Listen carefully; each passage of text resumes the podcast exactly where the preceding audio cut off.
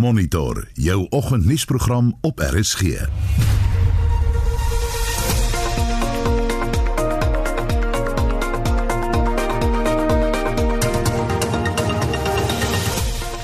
volgens se program die Nelson Mandela Bay metrogebied in die Oos-Kaap word tot 'n COVID-19 brandpunt verklaar. 'n Waarskuwing teen dronkbestuur op Wes-Kaapse paaie. And we want people to enjoy the wines in our province uh, so that we can kickstart the economy. But please, let's do it responsibly. Once you do that, don't get behind the wheel. 'n Veearts sê Suid-Afrika se vleis is veilig en antibiotika vry. En in sy weeklikse fliekrubriek praat Leon van hier op oor 'n dokumentêr Kingdoms of Fire, Ice and Fairy Tales. Goeiemôre, baie welkom by Monitor. My naam is Anita Visser.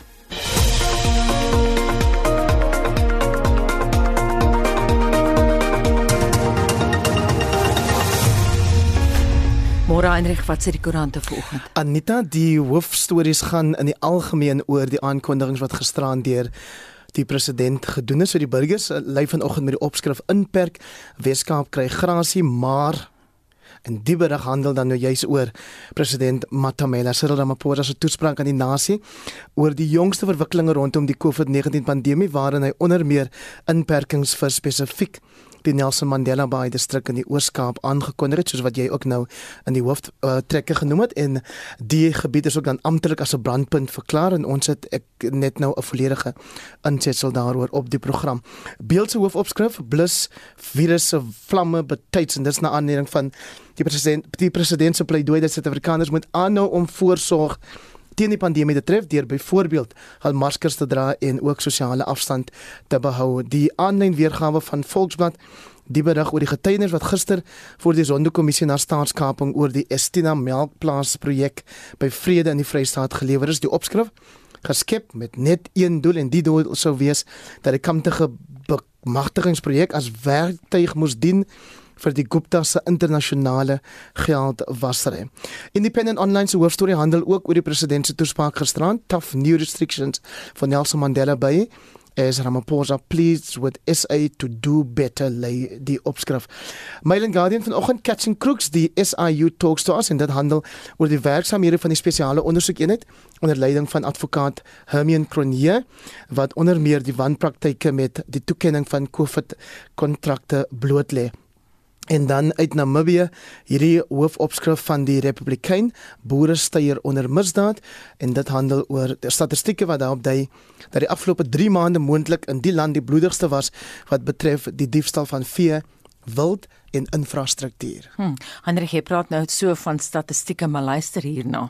'n Opname deur Statistieke Suid-Afrika toon dat byna 92% van Suid-Afrikaners hulle bure se name ken. Ek doen nie. Verder ken inwoners op die platteland hulle bure beter as die in die stede. Dit is tog voor die hand liggend. En ons wil vanoggend hê jy moet vir ons interessante stories oor jou bure vertel. Kom en dink. Wat is jou ervaring van hulle? Het jy sonde met die bure? Dalk is julle beste vriende. Kuier julle saam? Saam. Vertel ons hoe julle mekaar tydens die strenger inperkingsvlakke geken het. Ek sien jy wil nou iets sê. Nee, wil jy sê die mense gesels al omtrent op ons Facebook bladsy, so ek sal nou nog van hy terugvoer um, na die ateljee bring. En ek is seker ons gaan sonde met die bure stories ook hoor. Stuur vir ons 'n SMS na 45889, dit kos R1.50 of gaan na facebook.com vorentoe skynstreep ZRSG of WhatsApp vir ons stemnota na 076 536 6961. 0765366961. Weskaapse verkeersbeamptes waarsku dat dronkbestuur die feesseisoen nie op die provinsie se paaie geduld gaan word nie. Die provinsiale minister van vervoer, Bongikosi Madikizela, sê dis kommerwekkend dat gevalle van dronkbestuur die afgelope maand aansienlik gestyg het. Hy het by die Genote Tunnel op die N1 buite die Parel die provinsie se veiligheidsplan vir die feesseisoen bekend gestel. Berenice Moss was daar. Die Weskaap is 'n gewilde toeristebestemming hierdie tyd van die jaar. Duisende toeriste sal na verwagting na die provinsie stroom te midde van 'n toename in COVID-19 infeksies. Daar is meer as 130 000 infeksies tot dusver in die provinsie aangeteken. Minister Madikizela sê alhoewel daar 'n 23% afname in padsterftes in die vorige feesseisoen was, sterf daar nog te veel mense op die provinsie se paaie. From the 27th of March till the 1st of December, we've seen the cases of people driving under the influence to 318, which is a very low number, you know, if you look at what usually happens. But what is very disturbing is that between the 12th of November to the 1st of December, 103 of those cases happened during that period. Hy het motoriste gevra om padreëls en COVID-19 veiligheidsmaatreëls na te kom en toe te pas. The Western Cape is a tourist destination and we are famous with our wine estates and we want people to enjoy, you know, um, the wines in our province uh, so that we can kickstart the economy. But please, let's do it responsibly. Once you do that, don't get behind the wheel. Motoriste stem saam dat dit padverbruikers se verantwoordelikheid is om sterftes op die paaie te verminder. Ek dink ons moet net mekaar respekteer en hou by die reëls van die pad en moet asseblief nie drink en bestuur nie. Wees maar rustig, wees veilig. As jy by jou liefdes wil terugkom, moenie drink en bestuur asseblief. COVID-19 is nie 'n ding wat ons oornag gaan weggaan nie, so wees maar rustig daar buite. Moenie te veel by die samedronge van mense wees nie. Daar sal padblokkades op die hoofpaaie in die provinsie wees en motoriste sal afgetrek word om hulle vermoegheid te toets. Ek is Berenice Moss in Kaapstad. En nou is nou nie inset sal verwys na die Kaapse wynbedryf bly ingeskakel want 20 oor 7 vanoggend praat ons met 'n verteenwoordiger van die bedryf oor hoe die stand van sake nou is. Die burgerregte groep AfriForum gaan die EFF-leier Julius Malema en die parlementslid Mbuyiseni Ndlozi gelykheidshof toe sleep omdat hulle die lied Kill the Boer Kill the Farmer gesing het. AfriForum se hoof van beleid en aksie Ernst Roots sê EFF-lede het die lied die afgelope tyd verskeie kere gesing, maar toe hulle dit buite die Landdroshof op Senekal gesing het, waar die jong plaasbestuurder Brendan Horner se vermeende moordenaars verskyn het, moes hulle eenvoudig optree. Lila Magnus sê die besonderhede. AfriForum se regsverteenwoordiger Daniel Elof sê hulle vra dat die gelykheidshof 'n verklarende bevel moet gee dat die sing van die lied onder die omstandighede in Senekal haatspraak en rassediskriminasie was verder dat die hof 'n interdik gee wat die EFF en sy ondersteuners verbied om hierdie liedjies verder te sing. Laas ons vra ook dat die hof 'n boete ophef teen die EFF van 500 000 rand wat moet betaal word aan 'n organisasie wat nie rassigheid en bevorder en teen haatspraak is. Elof sê wanneer die gelykheidshof saak afgehandel is, hoop hulle dat dit krimineel verder gevat sal word. Laastens en baie belangrik vra ons dat die hof beveel dat die die griffier van die Hooggeregshof 'n dossier voorberei wat dan gestuur word vir die direkteur van openbare vervolging sodat die direkteur kan ondersoek instel teen die klagtes van kriminaluria aanhitsing tot geweld en natuurlik minagting van die hof. Afriforum se hoof van beleid en aksie Ernst Roots sê die EFF het in 2011 met Afriforum ooreengekom dat die lied haatspraak is. 'n Skikkingsgesprek wat was is toe 'n bevel van die Hoogste Hof van Appel gemaak en volgens hierdie bevel het Malema self ingestem dat hy gaan ophou om die lied Dubela Ibunu te sing, maar ook soortgelyke liedere wat met ander woorde Kill the Boer Kill the Farmer insluit en dat hy ook sy ondersteuners sal aanmoedig om dit nie te sing nie. Nou twee goed is hier belangrik. Eerstens Kill the Boer Kill the Farmer is alreeds verklaar tot haatspraak deur die Menseregte Kommissie. So dis wat ons betref 'n maklike wen. Maar daarmee saam moet Julius Malema nou in gevolge daardie ooreenkoms wat 'n bevel van die hof gemaak is, sy ondersteuners eintlik berispe of aanmoedig om nie die lied te sing nie en indien hy dit nie doen nie wat nou duidelik die geval is, dan pleeg hy ook minagting van die hof. AfriForum en Malema het al verskeie kere in die hof swaarde gekruis.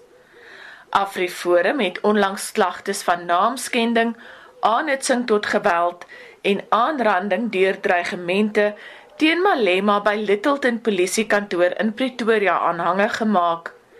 Dit volg na Malema se uitsprake dat die EFF nie bang is vir die polisie nie en polisielede binne in hul eie huise sal konfronteer as dit moet.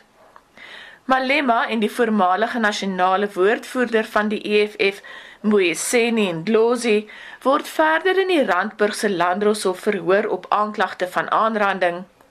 Hulle is aangekla weens druk van AfriForum nadat hulle glo 'n polisiekolonel by Winnie Madikizela Mandela se begrafnis in 2018 aangerand het.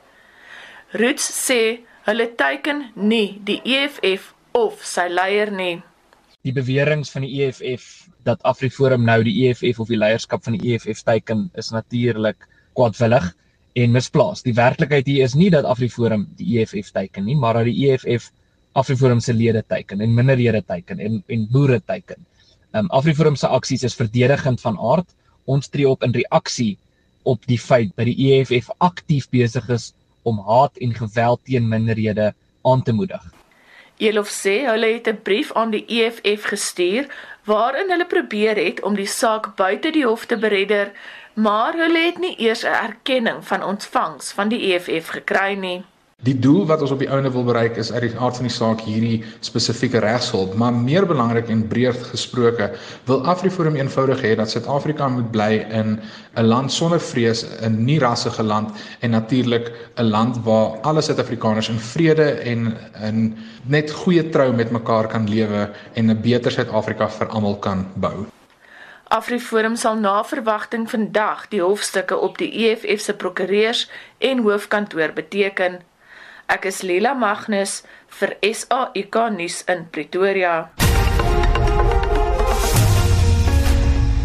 Die Randakse Bank is uit 100 Suid-Afrikaanse maatskappye aangewys as die maatskappy met die beste korporatiewe praktyke. Dit is volgens 'n verslag wat vroeër die week uitgereik is deur Corruption Watch, ODI, 'n onafhanklike Londen-gebaseerde ontwikkelingsdenkskrim en die Nasionale Sake Inisiatief. Mitsi van der Merwe doen verslag.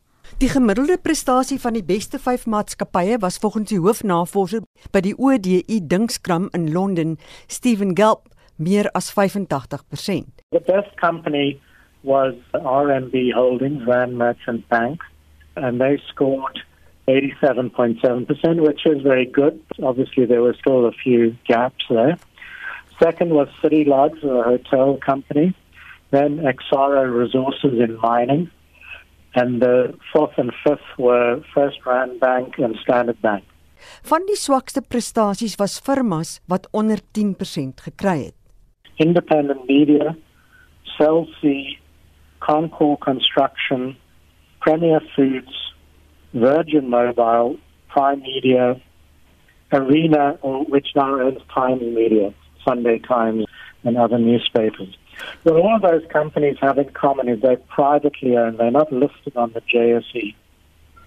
Their reporting is not subject to the sorts of requirements that JSE listed companies are. And most of them you don't give any information about pretty much anything. Van die sewe openbare ondernemings wat ingesluit is, lewer baie swak dienste in Suid-Afrika. Transnet, which did very well, came in seventh actually in terms of reporting. And then the other national ones, which also did pretty well, were ESCOM, the Post Office, IBC, Denel. Then we also had Umgani Water and Pick It Up refuse collection in Joburg. The state enterprise as a group scored just about at the average for the sample of 100. They were far, far better than the unlisted privately owned companies, and they were slightly better, at least as good as the foreign companies. Maar hoe ruim dit dat Eskom wat gereeld kragonderbrekings het, so goed vaar op 'n internasionale korrupsieranglys? The important thing to remember is that we're looking at what they say about themselves. And we're just taking it at, at face value, as we say. It may or may not be true. The information is not audited or verified. This is actually what happens in any of the companies. And one of our recommendations that we want to, we hope will be discussed more widely in South Africa, is that this sort of information that companies report about themselves is audited or verified in some way similar to the way their financial statements have to be audited before they send through to, the, for example, SARS, the, the revenue service. Die maatskappye wat laer geëvalueer is, is volgens Gelp aangeraai om meer deursigtig te wees. Because corruption is and has been a very important issue in South Africa, not just in government and the public sector, but also in the private sector. So they need to think about being more transparent around their anti-corruption activities in telling the public that they're taking the problem of corruption seriously. Onder die firmas wat ondersoek is, was sowat 61 firmas wat op die JSE genoteer is, 11 groot privaat maatskappye, 7 openbare ondernemings en 21 buitelandse multinasjonale maatskappye. Die verslag maak gebruik van studies deur Transparency International asook van die Global Reporting Initiative wat gebruik word vir volhoubare verslagdoening van standaarde. The point is about transparency. So we were interested in public information that companies put out about their activities. So we developed a questionnaire which drew from previous Transparency International work on the issue and also drew from another NGO based in Amsterdam called Global Reporting Initiative, which basically sets standards for companies and organizations as to how they report, what they should report on, what issues they should think about when they report. Stephen Gelb is die hoofnavorser by die ODE drinkskrim in Londen. Mitsi van der Merwe, SAK-nuus. Jy luister na Monitor elke weekoggend tussen 6 en 8. 36 in die jongste nuusgebeure Afriforum nader die gelykheidshof om op te tree teen die EFF en sy leier oor die sing van die lied Kill the Boer Kill the Farmer. President Ramaphosa kondig aan dat vlak 1 van die inperking van krag bly en die departement van openbare ondernemings het nog nie gereageer op die feit dat SAL se sake reddingspraktisyns nie die reddingsboei van 1,5 miljard rand kan bestee nie. Bly by ons. Heinrich het jy lekker stories. Sonder met die bure stories en ander stories. en dit is ja, so ons wil vanoggend eh, by luisteraars eh, staaltjies oor oor hulle bure na aanleiding van hierdie opname deur Statistiek Suid-Afrika wat toon dat byna 92% van Suid-Afrikaners wel hul bure se name ken. Eh, jy het gevra oor spesifiek sonde met die bure hier dan Magda Karoto wat sê my man ken die bure se name, maar het 'n lelike stel afgetrap met een ek verkies om my neus uit hulle lewens en erwe te hou. En Jackie Skuman wat sê ek ken geen bure en nou met Covid is elkeen vir homself en die Here vir ons almal. Net nou sit jy met een groot probleem. Ek hoor wel nou en dan my bure hou 'n partytjie en dan Henry Steenkamp sê ons bure kry ook was Africans of swart mense, maar hulle het 'n huis gekry in die colored area omdat die oom colored was. Sy seuns praat vandag beter Afrikaans as baie van ons almal is getroud met colored ladies. Hulle vanne is blankets of kombers en hy sê hy besoek hulle elke keer wanneer hy Kredok toe gaan. Johanna Solomon sê ek woon op 'n platlandse dorpie en ek ken my hele woonbuurt se mense. Want tydens lockdown het ek ingestem om 'n sopkombuis oop te maak. Ek het toe van straat tot straat gery en die sop uitgedeel. So ek het meer mense ontmoet en dit was lekker om met hulle te praat en selfs moed in te praat dat alles weer oukei okay sal wees. Jean van der Walt sê in die platland is jou hare oral getel. Kinderpraatjies is mos so 'n seisoen. Dit beweeg van mond tot mond. Die tipe koöperasie stories toe genis, sewe hoedens water gedrink het. En die stede doen elkeen sy eie ding en jy hoef nie of jy durf nie inmeng nie. Vra maar vir Hugo en daarmee stem Rex Bester en Dorien van Rooyen saam. Rex Bester voeg ook by bure het mekaar nodig en goeie buurmanskap is van kardinale belang. Aan huis kuier is nie vir my nie weens verskeie redes soos ongereelde um, of liewer die idee dat mense um, soms hulle in Engels sê hy dan nou overstay your welcome. Terwyl bure mekaar se privaatheid respekteer, mekaar ondersteun en hulp verleen waar en wanneer is dit vir my genoeg want ook weer Engels no man is an island. En ons wil graag van jou hoor by SMS 45889. Dit kos jou R1.50 per SMS. En dan kan jy ook saamgesels op Facebook daar op die Monitor en Spectrum blad of jy stuur vir ons 'n WhatsApp stemnota wat so 30 sekondes lank is na 0765366961 dis 0765366961 Hier is Shaun Jooste met sportnuus Ons begin met golfnuus. 'n Groep van 6 spelers op 5 onder is die gesamentlike voorlopers na die eerste ronde van die 110de Suid-Afrikaanse Ope by Sun City. Die groep sluit die Suid-Afrikaners Christian Besaidnout en Dean Burmester, Matthias Schwab van Oostenryk en die Italianer Aron Zemmer in. Pieter van der Berg sorg vir 'n kommentaar en verslag gedurende die toernooi. Russell Knox van Skotland op 6 onder het die voortou na die eerste ronde van die Mayakoba Classic in Mexico geneem. Suid-Afrika se Brandon Grace is gesamentlik 56ste gelyk aan die baansyfer. Die Engelsman Andy Sullivan begin vandag se derde ronde van die Dubai Golf Kampioenskappe as die voorloper op 17 onder. En Charlie Al van Engeland op 3 onder is die voorloper na die eerste ronde van die LPGA toernooi in die noorde van Dallas in Texas. Suid-Afrika se Ashley Buy is gesamentlik 80ste op 7 oor. Rugby. In die Karibeker reeks speel die Pumas vanaand 7:00 in Nelspruit teen Griquas, die Bulle môremiddag half 5 in Pretoria teen die Vrystaat en die Lions die aand 7:00 in Johannesburg teen die WP. Er is geen luisteraars op hoogte van gebeure in Nelspruit. Johan Rademan skuif agter die mikrofoon in vir die kragmeting in Pretoria en Dion Skuman doen verslag oor die wedstryd in Johannesburg. In die laaste ronde van die drie nasies reeks, pak Australië en Argentinië mekaar môreoggend 10:45 in Newcastle. In die Herfsnasies beker toernooi kom ook die naweek tot 'n einde.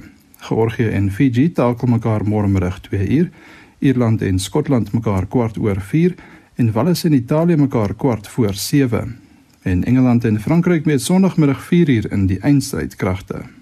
Cricket. Die eendagreeks tussen Suid-Afrika en Engeland slaan vanmiddag 1uur op Nieuweland in Kaapstad af en Jody Hendrik sal ons op hoogte hou van gebeure. Die tweede wedstryd vind Sondagoggend 10uur op Boland Park in die Parelplaas. Die T20 reeks tussen Australië en Indië begin ook vanoggend kort na 10 en dit is dag 2 van die eerste toets tussen Nieu-Seeland en die Wes-Indiese eilande. In die plaaslike vierdag reeks se vierde ronde het die Lions die Warriors in Port Elizabeth met 76 lopies geklop en die wedstryd in Centurion tussen die Titans en Cape Cobras het onbeslis geëindig.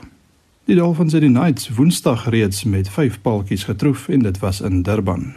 Sokker Die tellings in gister se eerste ronde van die onder 20 Kusafa Kampioenskappe was Mosambiek 1, Lesotho 0, Suid-Afrika 2, Zimbabwe 2.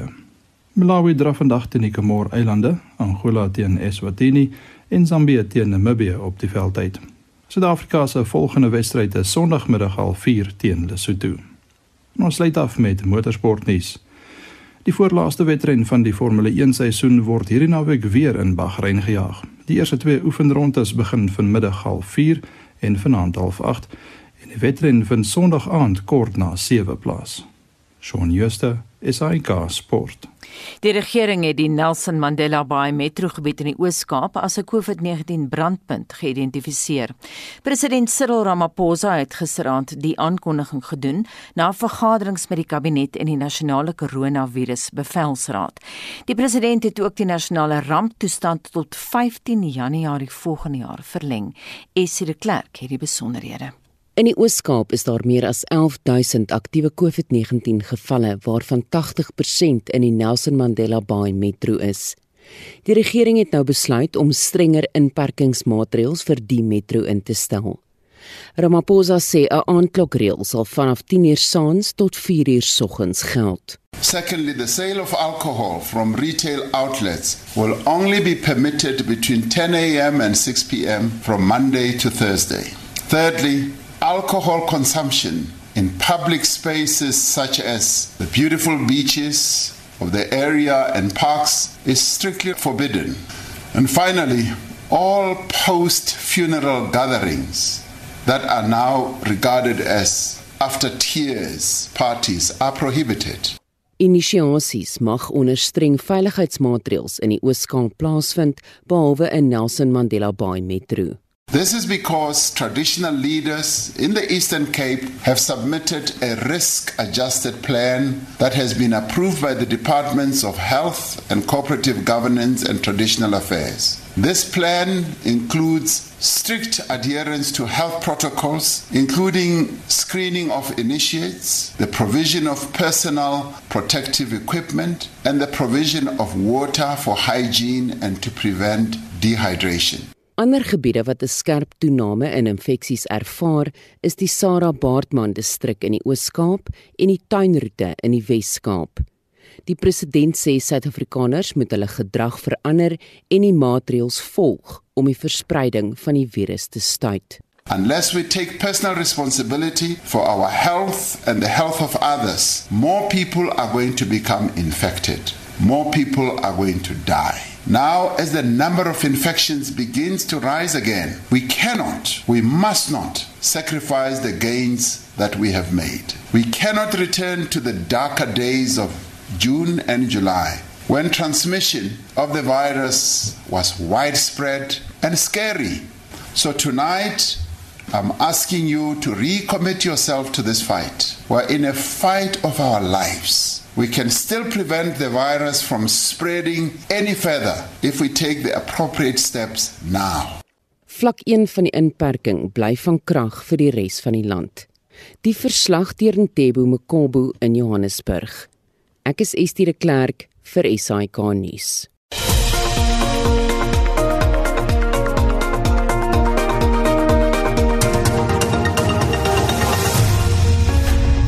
Monitor het gister berig oor laboratorium vervaardigde hoender in Singapore wat nou aan die publiek verkoop gaan word. Tydens 'n verwante onderhoud is daar verwys na die voordele wat sulke hoendervleis sou inhou. Een daarvan is dat dit 100% antibiotika vry sou wees, synde in 'n laboratorium gekweek te wees. Ons het dadelik terugvoer gekry van 'n veearts wat ons verseker het dat Suid-Afrika se vleis nog nooit so veilig was as ooit tevore nie. En ons praat nou hieroor met Dr Neil Fourie, hy's 'n spesialis toksikoloog met 30 jaar se ervaring as veearts. Goeiemôre.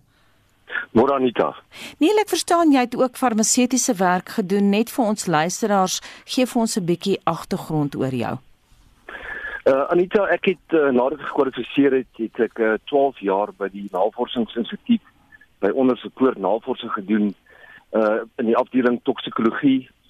Ons het ons werk gekonsentreer uh, meestal op die isolering van chemiese stowwe uit plante wat vergiftiging veroorsaak uh in Suid-Afrika en daar het ek my onderlê in in al die chemiese tegnieke alhoewel ek 'n uh, 'n uh, veearts is en ons het 'n uh, plantgifstof geïsoleer na 7 jaar wat 'n baie groot probleem is in Suid-Afrika. Uh na die tydperk by ondersoek het ek die farmaseutiese industrie betree en ek het gaan werk vir 'n multinasjonale uh, maatskappy waar ek die hoof van navorsing was by ons navorsingsstasie in Suid-Afrika. En ons is daar betrokke by die ontwikkeling van produkte vir die veebedryf om produkte op die mark te bring. Mm -hmm. En en dit beteken van die formulasie stadium. Dit wil sê dit wat in die bottel of in die kan ingaan tot tot by die rak. Al die stappe van die ontwikkeling van 'n produk wat op voedselproduserende diere gebruik word. Mm -hmm. Kom ons kom by die antibiotika. Hoe presies word antibiotika se onttrekkingstydperke in diere soos beeste en skape bepaal? Anita, ek moet uh, van die begin af sê antibiotika word nie anders gehanteer as ander middels wat ons op diere gebruik nie. Antibiotika is maar een komponent wat ons in diere gebruik en is eintlik as jy vat 'n relatiewe klein komponent. Ons gebruik baie baie kilogramme dipstowwe om bosluise te beheer. Ons gebruik baie stowwe om wurms te beheer in in diere, interne parasiete. As ons dit nie doen nie, kan ons nie boer nie. So enige chemiese stof, of dit nou antibiotika is of 'n dipmiddel of 'n doseermiddel word dieselfde gehanteer. In die ontwikkeling van 'n produk is daar drie stappe wat ons al ons registreer van die 36 van 47 moet bewys dat hierdie produk geregistreer mag word vir voedselproduserende diere in Suid-Afrika. Die eerste stap is ons moet kan bewys dat die middel werk, daar's effektiwiteit. Die tweede stap is ons moet kan wys dat die middel veilig is vir die dier self waarop dit aangewend word. En dan die derde stap, dis nou die residue stap wat jy nou na verwys, mm. is ons moet kan verwys uh, kan bewys dat hierdie uh, middel veilig is vir die uh, verbruiker op die ou end as hy op die tafel kom. Mm. En hmm. dit is die baie belangrike stap waarna jy nou verwys. Ons praat hier van 'n maksimum maksimum residue vlakke wat uh, internasionaal gebruik word en ons moet wys dat die middel wat ons gebruik, het sy dit 'n dipmiddel of 'n doseermiddel of 'n antibiotikum is, onder hierdie maksimum residue vlakke is. Nou hierdie toetse uh kos etlike miljoene rande om uit te voer om die onttrekkingsperiode te bepaal. Dit wat op die kan of op die botteltjie staan. Daar sal byvoorbeeld staan indien jy hierdie middel toegedien het, mag jy nie 'n dier slag vir menslike gebruik binne 28 dae of 50 dae of 100 dae nie. Hmm. En daar spesifieke metodes hoe ons hierdie onttrekkingsperiode bepaal. Nou jy glo Suid-Afrikaanse vleis in die supermark of die slaghuis is veiliger om te eet as ooit tevore. Hoekom sê jy so Neil? Anita vir 'n paar redes. Uh, en ek verwys nie hier spesifiek na antibiotika nie, maar in geheel. As jy vat ons het sprinkane bestry uh, 30, 40 jaar terug met van die mees toksiese stowwe, die organoklorine in die Karoo. En hierdie stowwe het 'n halfleeftyd van meer as 30 jaar van hulle. En ons skape wy op daai weiding waar ons sprinkane gespuit het. Nou al daai uh stowwe is intussen of lank terug al van die mark uh onttrek. Dit is hoe ek sê die giftige stowwe het ons al en die stowwe wat aansamel of akkumuleer in die dier se liggaam het ons lankal onttrek van die mark. Mm -hmm. En ons ons verander ons metodes voortdurend. Om vir jou een voorbeeld te gee, ons gebruik een middel vir die behandeling en voorkoming van rooi water. Dit is maar soos bosluiskoors in beeste. Tot 3 jaar terug was die onttrekkingsperiode van hierdie spesifieke middel 28 dae. Intussen het ons chemiese metodes so verbeter dat ons dit nog fyner kan optel en die registrateur het nou hierdie onttrekkingsperiode verander na 213 dae. Hm.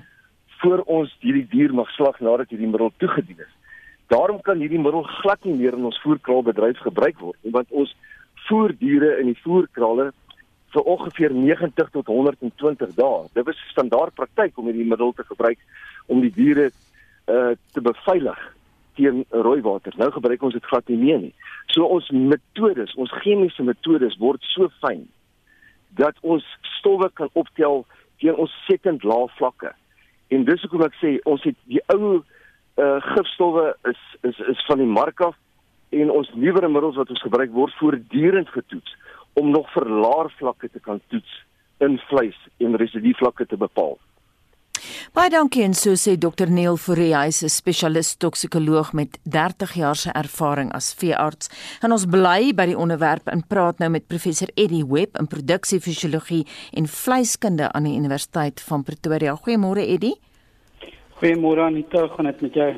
Dit gaan goed, dankie. Eddie, hoe werk die produksieproses van vee in Suid-Afrika? Anita, ehm um, die meeste van die diereproduksie in Suid-Afrika is uh, baie uh, intensiewe tipe van stelsels.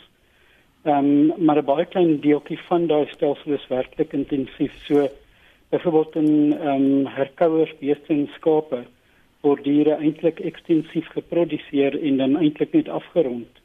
Ehm um, in 'n afrondingsfase wat intensief is. Ehm um, hoenders word baie intensief geproduseer. Nou, dit klink miskien negatief, maar die positief daarvan is dat die beheer van hierdie stelsels is geweldig goed. Um, om seker te maak dat mense van produks uh, kwaliteit en standaarde kan voldoen. En die wat gebruik ons vanuit 'n voedingshormoon oogpunt en wat bly oor in die vleis?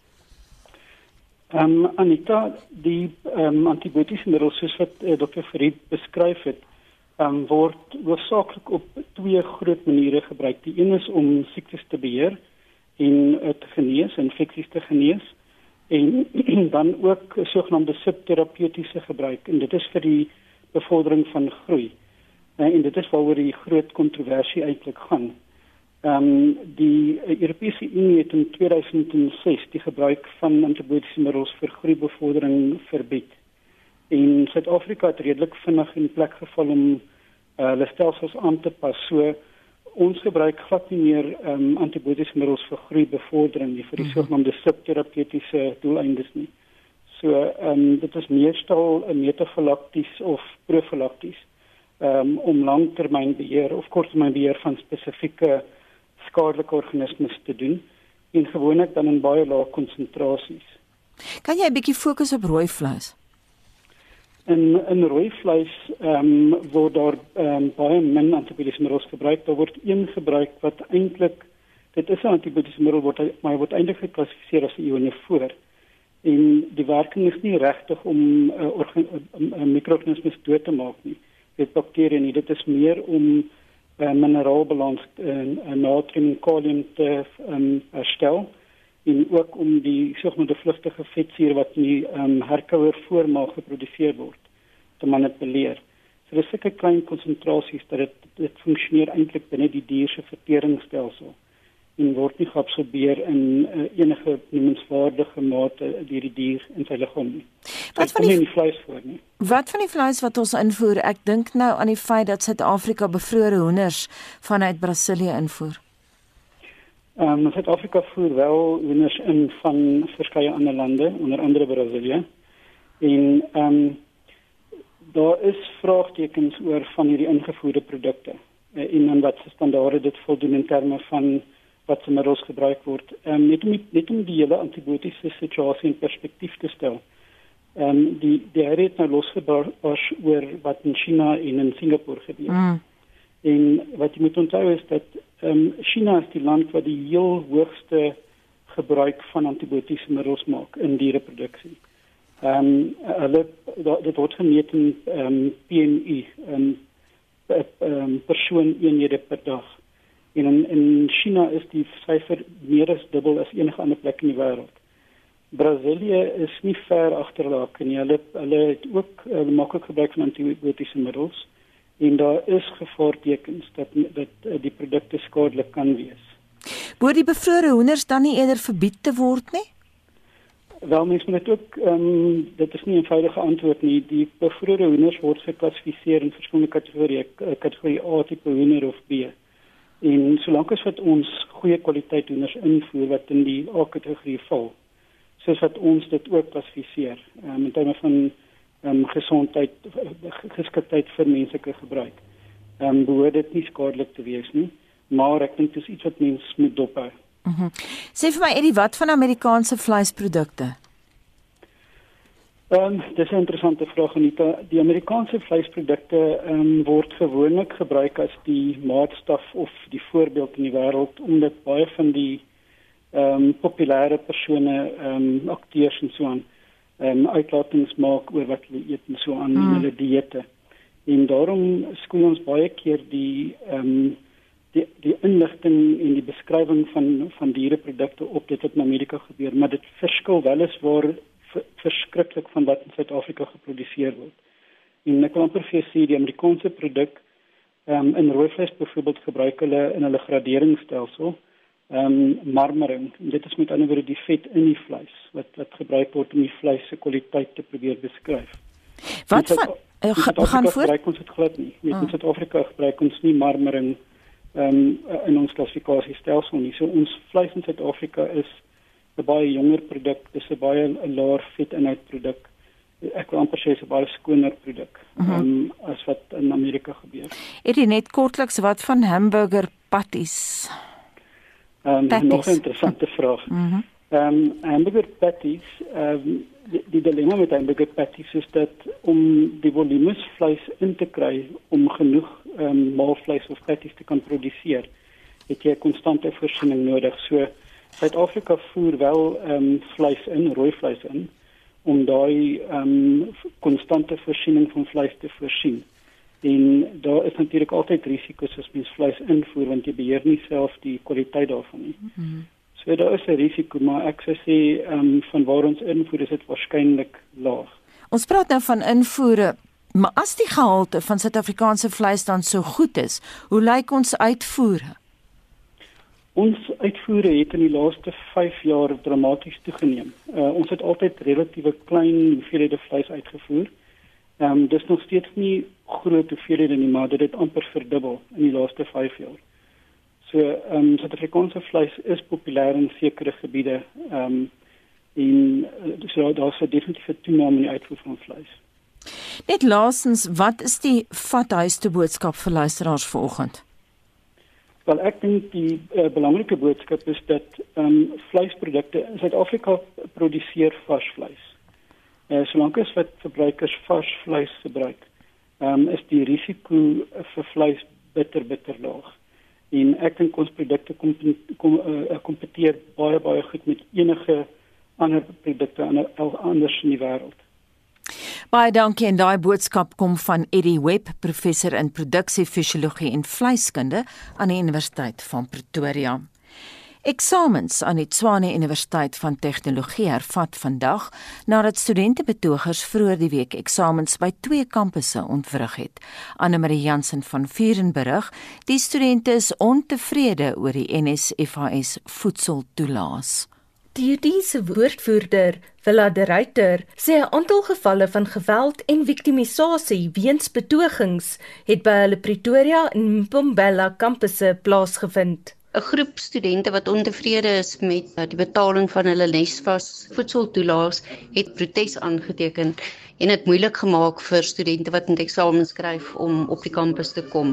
Die universiteit het besluit dat eksamens geherskeduleer sal word en studente wat nie toegang tot die kampus kon kry nie, is versoek om huis toe te gaan. Die nuwe datum sal met die studente gekommunikeer word. Die UD het reeds 'n ondersoek oor die ontwrigtings aangevra en beplan om dissiplinêre stappe teen die skuldiges te neem.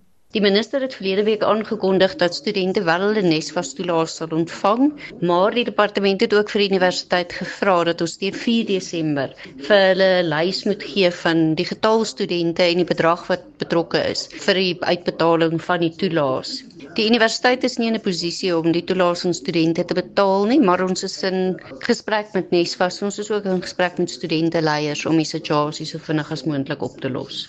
Dit was die Tshwane Universiteit van Tegnologie se woordvoerder, Villa de Ruyter, en ek is Anne Marie Jansen van Vuren vir SAK nuus. Heinrich. Aneta nog terugvoer oor luisteraars se ervarings met hul bure. Karel Johan de Bruin skryf ons het 'n straat WhatsApp groepie so nege lede. Hy se weerskande van die pad tussen twee systrate en ons staan mekaar so by. Daar's daaglikse vinnige kontak en uh, hy skryf daar uit Wonderboom Suid in Pretoria moed uit. Maar hier is 'n ander weergawe van WhatsApp groepies. Eene eerste hier 'n SMS wat sê my bure het op 'n WhatsApp groepie van my geskinder en per ongeluk dit opgeneem en 'n oh. voice note of stemnota gestuur. En dan sê iemand anders, buurman het sommer besluit om 'n paar bome op my erf met gif dood te maak. Die skade was so wat so wat 'n 100 000 rand en die man skel ook net op almal, vrou, hond, kinders. Iemand anders skryf my hek en my bure se gordyne is gesinkroniseer. Die ergste van alles is dat die buurman dan na die tyd vra wie die gaste was indien hy hulle nie ken nie. En dan iemand wat sê hallo Anita, ek ons ken ons bure aan beide kante van ons huis persoonlik en ons het selfs 'n hekkie geïnstalleer tussen ons perseel en die perseel van een van ons bure. So kan ons makliker kuier, hulp verleen en na mekaar se eiendom en diere omsien wanneer een van ons per geleentheid weg van die huis af is. Dit kom van Koos van Florida Glen. Dis nou 7 uur.